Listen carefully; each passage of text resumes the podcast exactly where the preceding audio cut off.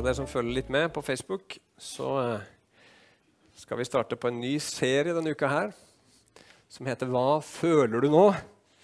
Det berømte intervjuspørsmålet som alle sportsjournalister liksom stiller de som har vunnet et eller annet.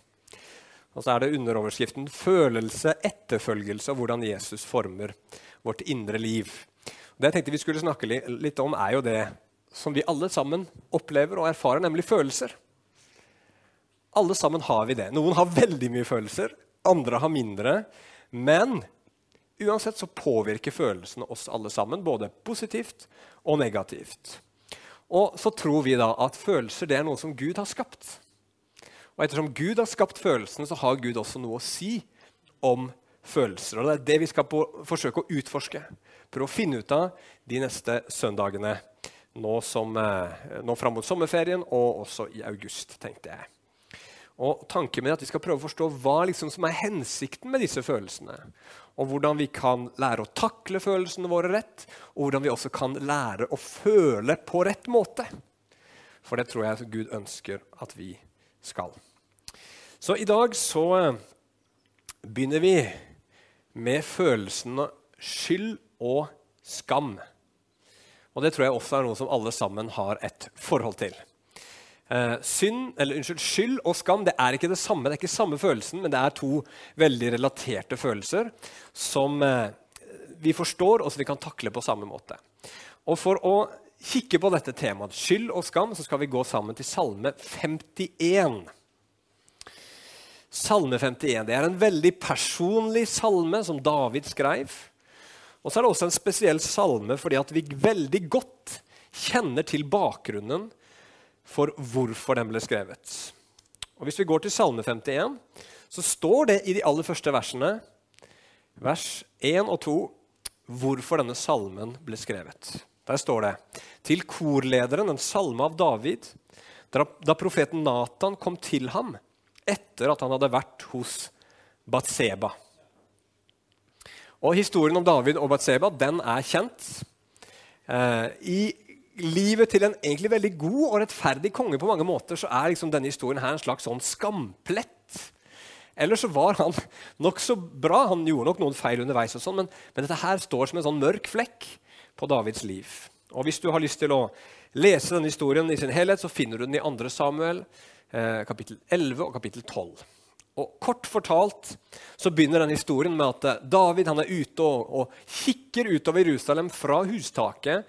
og Så får han øye på Batseba.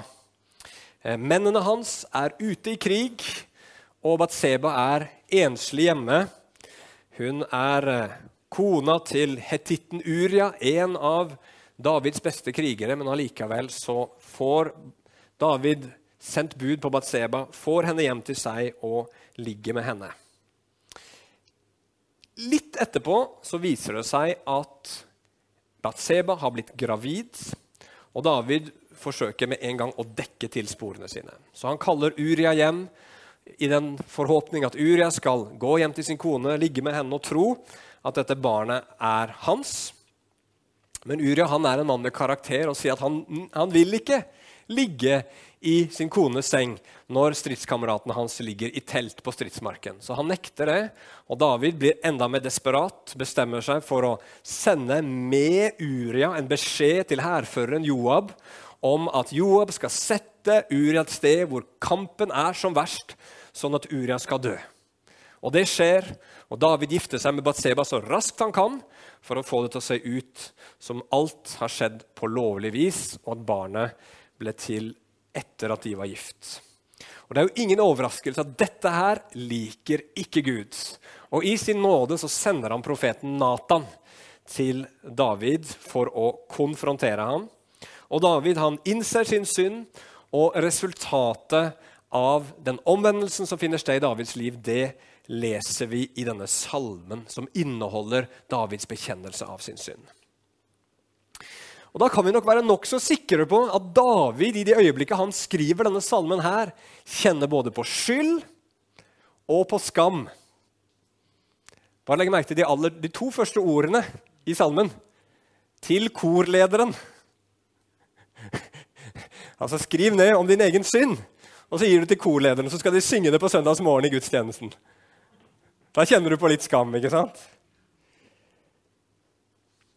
Dette her var, ble offentlig kjent. David kjente på skyld og på skam. Så nå skal vi prøve å forstå hvordan David takler dette her. Og Vi skal se at han gjør det for det første ved å se synden i øynene. Han gjør det nummer to ved å forstå Guds nåde. Og til slutt ved å omvende seg med Guds hjelp. Ok, så Da går vi til Salme 51, og vi skal lese fra vers 3 til 19. Og Der står det.: Vær meg nådig, Gud, i din kjærlighet Stryk ut, ut mitt lovbrudd i din store barmhjertighet. Vask meg ren for skyld, og rens meg for min synd. For mine lovbrudd kjenner jeg, min synd står alltid for meg. Mot deg alene har jeg syndet, det som er ondt i dine øyne har jeg gjort. Derfor har du rett når du taler, du er ren når du feller dom. Ja, med skyld ble jeg født, med synd ble jeg til i mors liv. Se, du gleder deg over sannhet i mitt indre. Du lærer meg visdom i det skjulte. Ta bort min synd med isop, så blir jeg ren. Vask meg, så jeg blir hvitere enn snø. La meg få oppleve fryd og glede. La lemmene du knuste, få juble. Skjul ditt ansikt for mine synder. Utslett all min skyld. Gud, skap i meg et rent hjerte. Gi meg en ny og stødig ånd. Driv meg ikke bort fra ditt ansikt. Ta ikke fra meg din hellige ånd. Gi meg igjen gleden over din frelse. Hold meg oppe med en villig ånd. Jeg vil lære lovbrytere dine veier. Syndere skal vende om til deg. Fri meg, Gud, fra blodskyld. Du, Gud, som er min frelse. Så skal min tunge juble over din rettferd. Herre, lukk opp mine lepper, så min munn kan lovprise deg. For du har ikke glede i slakteoffer. Mitt brennoffer bryr du deg ikke om. Offer for Gud er en sønderbrutt ånd. Gud, du forakter ikke et knust og nedbrutt hjerte. Kjære himmelske Far. Nå ber vi Gud igjen at du i din godhet og nåde skal tale til oss gjennom ditt ord. Herre, må du bare hjelpe meg til å formidle dette i åndens kraft.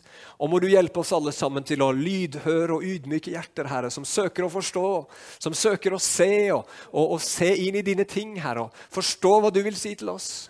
Herre, må du ved din ånd La dette ordet få bære god frukt i våre liv, sånn at vi kan lære deg å kjenne oss, sånn at vi kan bære mer frukt. Hjelp oss i dag i Jesu navn. Amen. Ok, så Det første punktet mitt i dag det er at David han så synden i øynene. Og Vi skal altså snakke om skyld og vi skal snakke om skam i dag som følelser. Altså skyldfølelse og skamfølelse. Og Vi skal begynne med et par definisjoner. Hva er skyldfølelse? Jo, skyldfølelse er følelsen av at vi har gjort noe galt, og vi trenger å gjøre opp for oss. Skamfølelse derimot er følelsen av at det er noe galt med oss, og gjør at vi ønsker å gjemme oss eller skjule oss på en eller annen måte.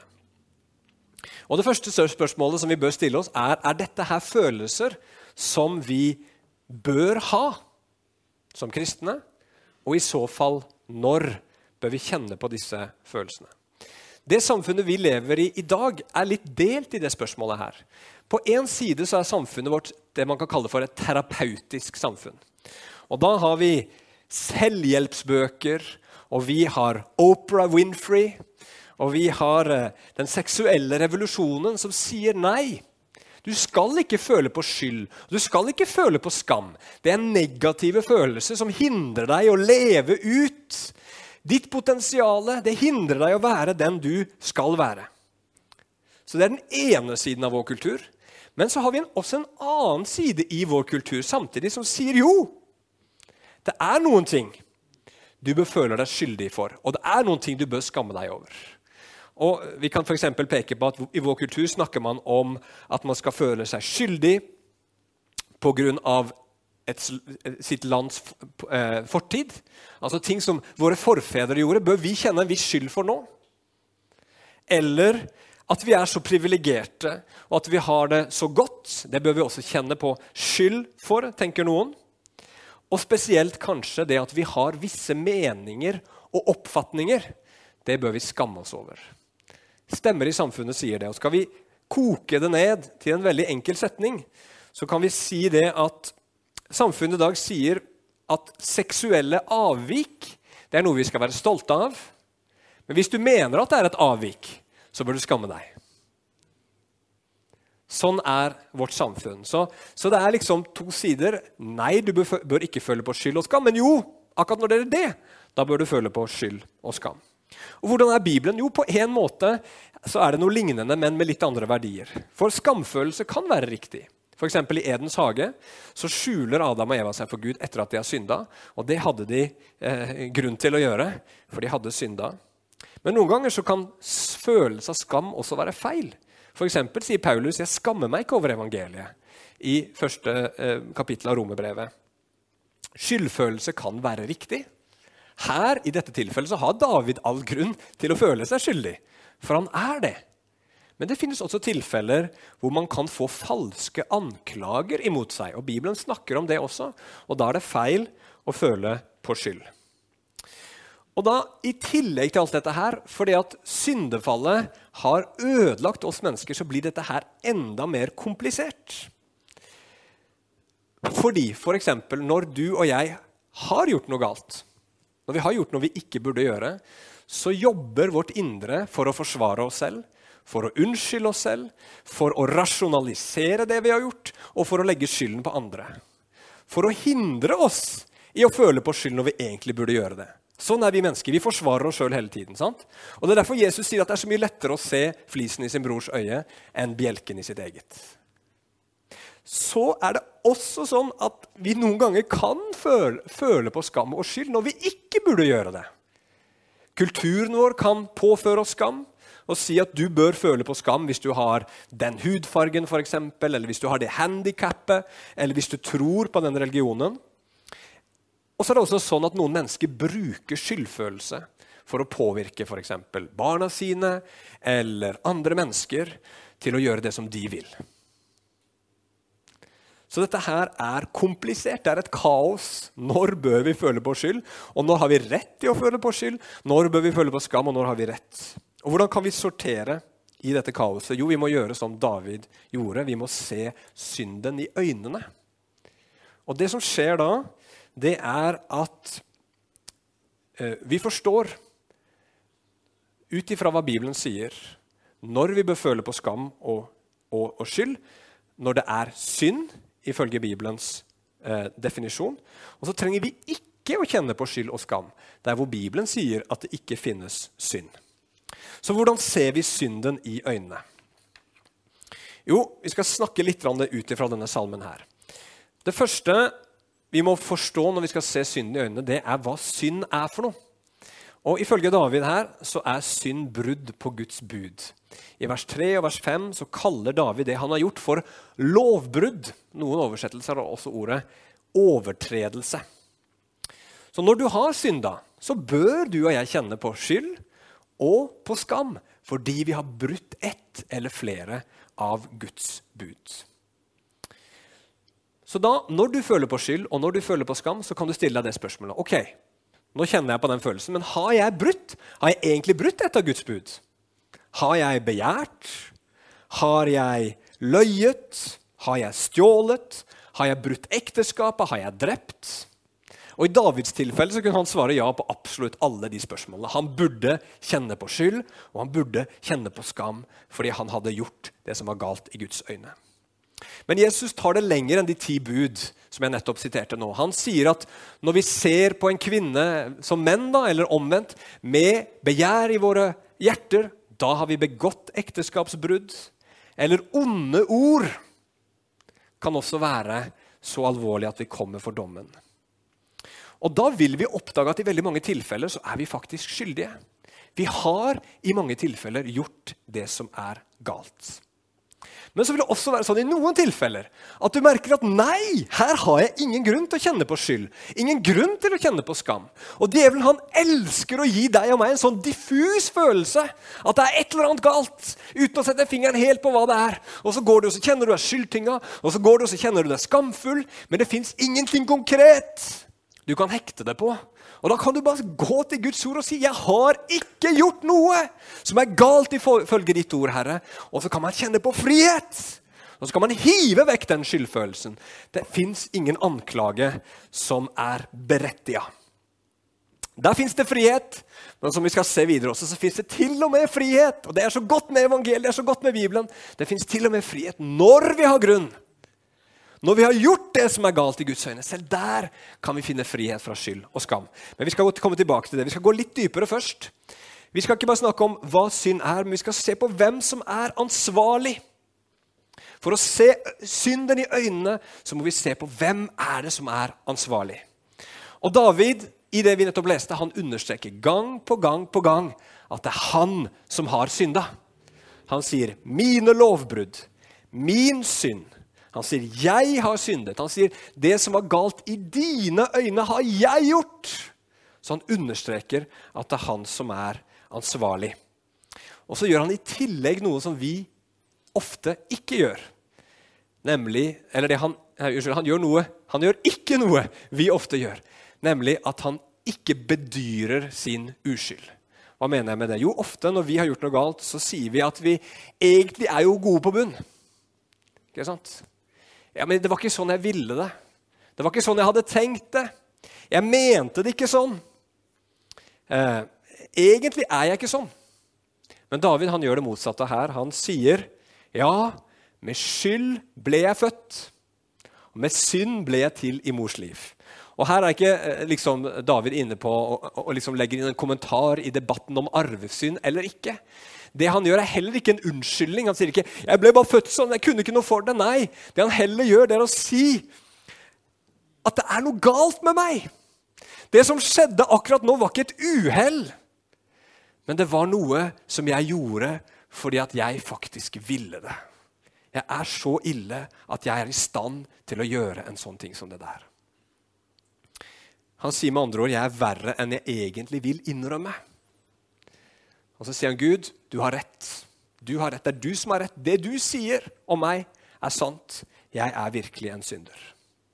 Og som ikke det er nok, så bruker David denne bønnen her på å uttrykke hvor alvorlig det han har gjort, faktisk er. For det første så sier han noe ganske sjokkerende i vers 6. Han sier, 'Mot deg Alene har jeg syndet. Hallo! Hva med Uria? Hva med Batseba familien hennes? Hvordan kunne han si mot deg alene har jeg syndet? Men dette her er en overdrivelse som han bruker for å få fram et poeng. For å si det at den jeg har synda mest mot i dette tilfellet, her, det er deg, Gud. Min største synd i dette er mot deg. Jeg har syndet mot Herren, står det i 2. Samuel. Det er den første reaksjonen til David der. For det er jo Gud som har skapt David. Gud har skapt Batseba, Uria, og alle menneskene som er involvert i det her, er skapt i hans bilde. Så det betyr at all synd vi gjør, først og fremst faktisk er en synd imot Gud.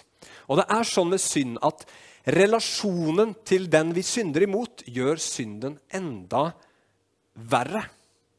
Det er galt og det er fryktelig å drepe et menneske. Men hvis det er en man er i nær relasjon til, hvis det f.eks. er en forelder, så blir denne synden, mordsynden, enda verre. Og Bibelen forklarer at alle våre synder er verre enn vi tror, fordi de er synder mot Gud, som egentlig er en tettere relasjon i våre liv enn våre foreldre. Han er vår skaper, han er den som har gitt oss alt, og så har vi synda imot ham. Og Dermed er synden enda mer alvorlig enn som så. Og David han forstår virkelig dette alvoret. Det er derfor han ber til Gud. Driv meg ikke bort fra dine øyne. Ta ikke din hellige ånd ifra meg. For han forstår det at når du og jeg bryter Guds bud, så bryter vi liksom ikke bare tilfeldige regler som Gud har sagt. Liksom Gud sitter i himmelen og ja, ti bud, ti bud, hva skal jeg finne på? Så lager han en sånn tilfeldig liste. Nei, de ti bud og alle budene i Bibelen er et uttrykk for hvem Gud er. De er et uttrykk for hans hellighet, de er et uttrykk for hans sannhet. Så når du og jeg sier til Gud 'Dine bud vil jeg ikke følge', så sier vi, 'Gud, jeg vil ikke ha noe med deg å gjøre'. Jeg vil ha deg ut av mitt liv, så at jeg kan få være konge og gjøre sånn som jeg vil i mitt liv.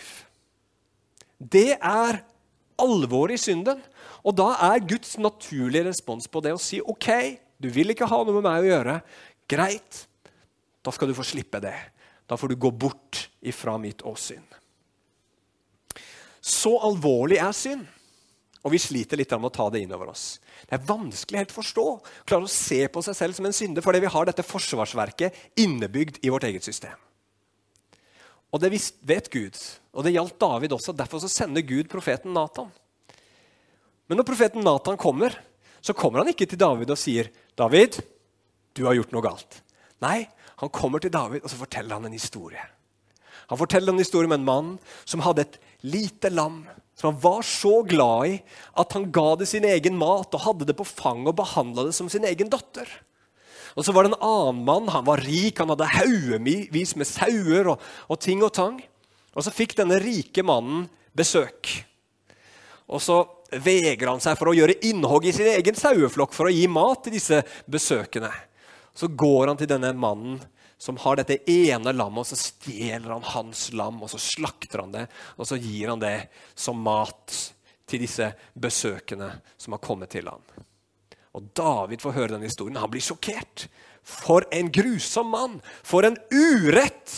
Og så kommer det rett fra levra på David. Den som har gjort det, han skal dø. Og så sier Nathan tre ord som snur hele situasjonen på hodet. Du er mannen. Plutselig så skjønner David for en synder han er. Hvor ille det er stelt med han.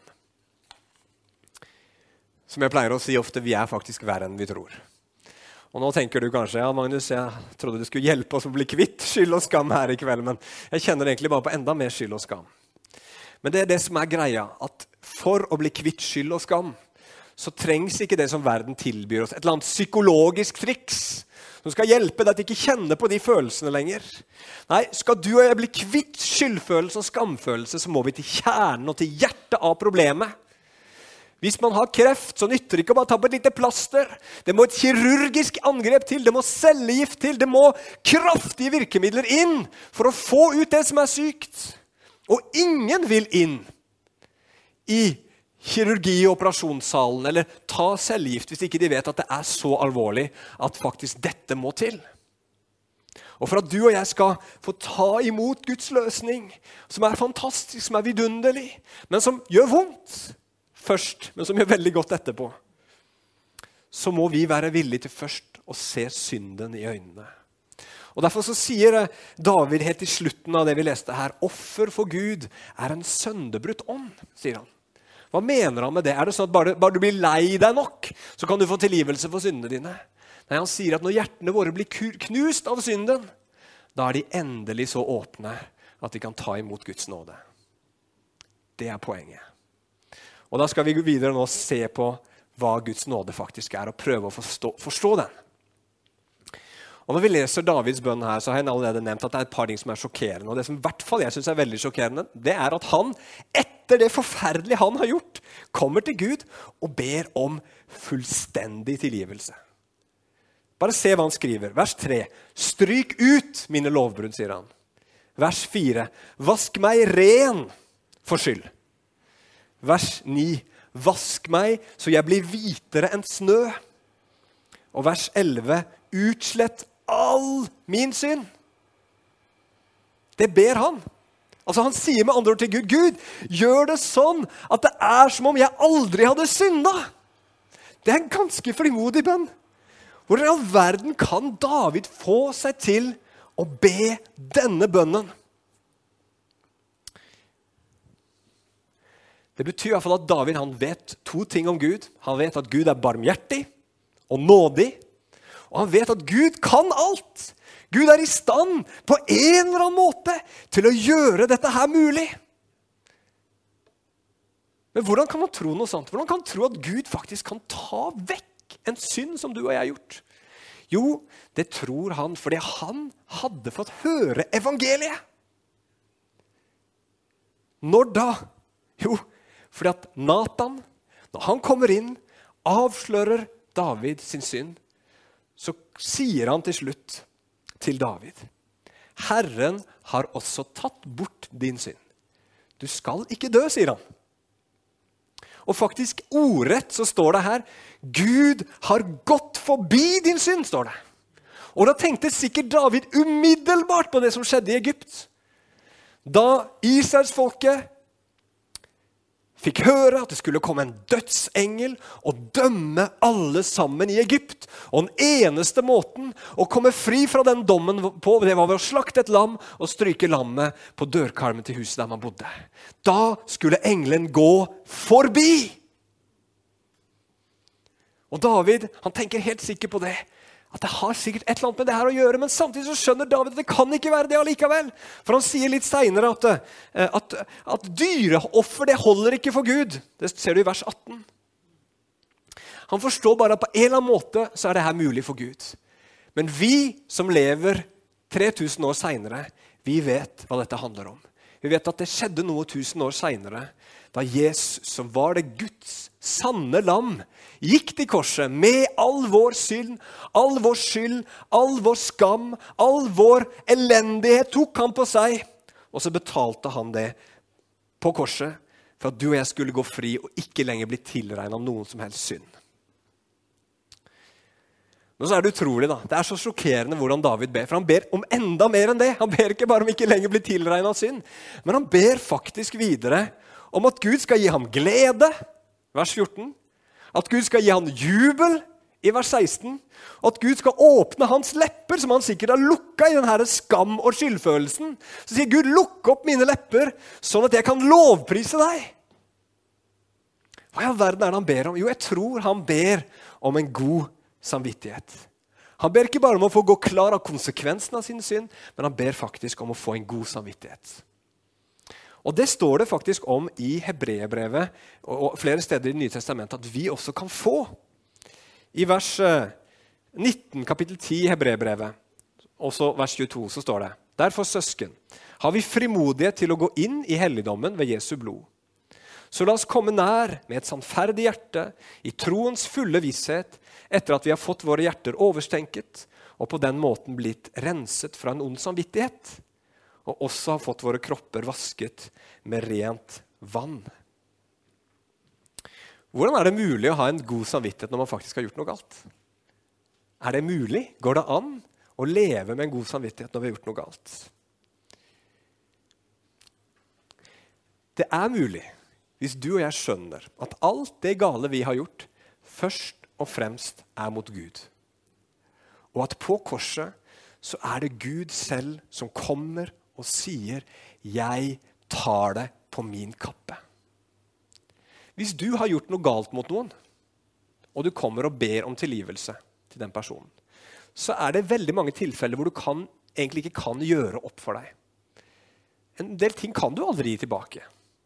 Hvis du har stjålet en helt konkret ting, så kan du gjøre det. Men hvis du har ødelagt noens rykte, hvis du sa et feilaktig ord i en situasjon, så fikk en person til å føle seg dårlig eh, Hvis du har gjort et eller annet galt, hva det enn skulle være, så er det veldig ofte du ikke kan gi noe tilbake. Og Når du da ber om tilgivelse, så ber du den personen på mange måter om å ta og betale prisen selv. For du kan ikke betale den. Du ber dem om å bare tilgi deg. Ta prisen selv. Men når de gjør det, når de sier 'det er greit, jeg tilgir deg', 'jeg holder det ikke mot deg lenger', så kan du faktisk kjenne på en fred og en, og en god samvittighet. For du har gjort opp for deg. Men det var den andre som betalte prisen. Men sånn er det med Gud. Du og jeg kommer til han, så sier vi 'jeg har gjort noe galt', og 'jeg synda imot deg'. Og så sier Gud 'det er oppgjort'. Jeg har betalt. Jeg tilgir deg. Og så kan du og jeg få ha en god samvittighet. Og så vet vi at Noen ganger så kan det hende at mennesker ikke vil gi oss tilgivelse. ikke sant? Men Gud vil. Noen ganger så er det umulig for oss å nå noen mennesker som vi vil be om tilgivelse. De har kanskje forsvunnet ut av livene våre, de kan være døde. Men når Gud, som all synd først av alt er mot, sier 'jeg tilgir deg', da kan vi ha god samvittighet. Tenk på det. Du kan gå rundt med god samvittighet. Og Paulus sa det. han. Med god samvittighet har jeg tjent Gud helt til denne dag. Se på livet til Paulus, du! Så står han og sier han med god samvittighet lever jeg akkurat nå. Og da er det noen som protesterer. Nei, det blir å ta for lett på synden. For mennesker i dag tror ikke at det finnes tilgivelse for alt. Og hvis det finnes tilgivelse, skal du i fall gå rundt og kjenne på en del skyld og skam. Sånn at du skjerper deg, sånn at du faktisk tar det på alvor, sånn at du faktisk kan bli forandra. Men Bibelen sier det motsatte. Bibelen sier at Hvis du skal bli forandra, hvis du virkelig skal bli ny, så må du ha en god samvittighet. Hvordan da? Jo, Da kommer vi til det siste punktet omvendelse med Guds hjelp. For David han vil ikke bare ha tilgivelse. Han vil bli forandra. Han vil at Gud skal hjelpe han til å ikke fortsette i synden. Så Derfor så ber han i vers 12.: Gud, skap i meg et nytt hjerte. Skap! Det er det samme ordet som du finner i første Mosebok, kapittel 1, da Gud skapte himmel og jord. Han sier, 'Gud, gjør et mirakel i meg! Gi meg et helt nytt hjerte, som du skaper ut av ingenting, sånn som du skapte himmel og jord.' Gjør meg ny! Gjør meg til en ny skapning. Akkurat sånn som Det nye testamentet sier at du og jeg blir når vi er i Kristus. Derfor, i 2. Korinterbrev 5, vers 17, derfor hvis noen er i Kristus, er han en ny skapning. Det gamle er borte. Se, det nye er blitt til. Så hvis du tror på Jesus nå, så har Gud skapt et nytt hjerte i deg. Men det høres litt sånn diffust ut. ok, Hva vil det si å ha et nytt hjerte? Jo, hvis vi går tilbake til Det gamle testamentet, i 5. Mosebok, kapittel 30 og vers 6, så snakker Moses om dette nye hjertet. og Han kaller det et omskåret hjerte. Og Her ser vi hva det er for noe. Det står der 5. Mosebok 30, vers 6. Herren din Gud skal omskjære ditt hjerte og dine etterkommeres hjerte, så du elsker Herren din Gud av hele ditt hjerte og av hele din sjel, for at du skal få leve. Hva er et nytt hjerte? Jo, et nytt hjerte er et hjerte som elsker Gud, og som fordi det elsker Gud, også elsker mennesker som er skapt i hans bilde. Og hvordan kan det skje? Hvordan blir du og jeg et sånt menneske som elsker Gud mer? Skjer det ved at vi pisker oss mentalt med våre synder og sier til oss sjøl ja, nå, Magnus, nå må du sannelig se og skjerpe deg. Du som har gjort så mye galt og elendighet, nå må du jammen snu opp på dette livet ditt og begynne å elske Gud litt mer. Elske nesten din. Du må ta deg skikkelig sammen. Hjelper det da å se på sin egen elendighet? Hjelper det å se på sin egen synd for å bli forandra? Nei. Og Det er flere grunner til det, men den aller viktigste grunnen det er at lever du på den måten, så blir du enda mer selvopptatt og enda mer selvfokusert. Og det er på veldig mange måter nettopp det motsatte av det å elske Gud. Å sentrere livet sitt rundt seg selv, det er ikke å elske Gud. Og det fantastiske med evangeliet som vi tror på, det er at det gir deg en grunn, eller det tar bort grunnen til å se på deg selv, og så gir det deg enda mer grunn til å se på Gud. For det første fordi at som David ba ham her, så er det sånn at hvis du tror på Jesus, så er dine lovbrudd strøket ut. Takk for den, Toril. Amen. Du har blitt vaska ren for synd. Ja, du har blitt hvitere enn snø. Og all din skyld er utslettet. Utslettet. Det fins ikke lenger noen synder å gjøre opp for. Og det fins ikke lenger noen synder å drive og unnskylde seg selv for. Og nettopp det som gjør at vi blir så selvsentrerte og tenker så mye på oss selv. I fall en stor del av det. At vi må finne på unnskyldning til hvorfor gjør jeg sånn. Vi, vi må handle og gjøre så mange gode ting for at vi skal føle oss bedre med den vi er og det vi har gjort. Og Da blir vi bare enda mer selvsentrerte og graver oss enda mer ned i synden. Men nå som det er gjort opp, så kan vi slutte med det der selvfokuset. Og så er vi fri til å begynne å se en annen plass. Og evangeliet gjør ikke bare at du blir fri fra å kikke på deg sjøl, men evangeliet gjør at du får enda mer lyst til å se på Gud. Og du blir enda mer grepet av Han, sånn at hjertet ditt blir fylt av kjærlighet. Hvordan da? Jo, Vi så i stad at David han ba Gud at han ikke skulle kaste han bort fra hans åsyn. Han ba Gud om at han ikke skulle ta Den hellige ånd ifra han. Og så ser vi på korset. David hadde forstått det er konsekvensen av synd. Så ille er synd. Så ser vi på korset. Hva ser vi der?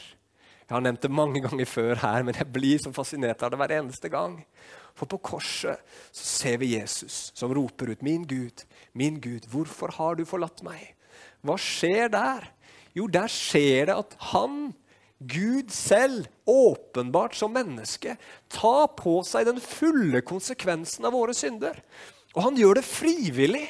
Altså, Hvem her inne ville frivillig gått inn i lidelse og elendighet og dom hvis vi kunne slippe det?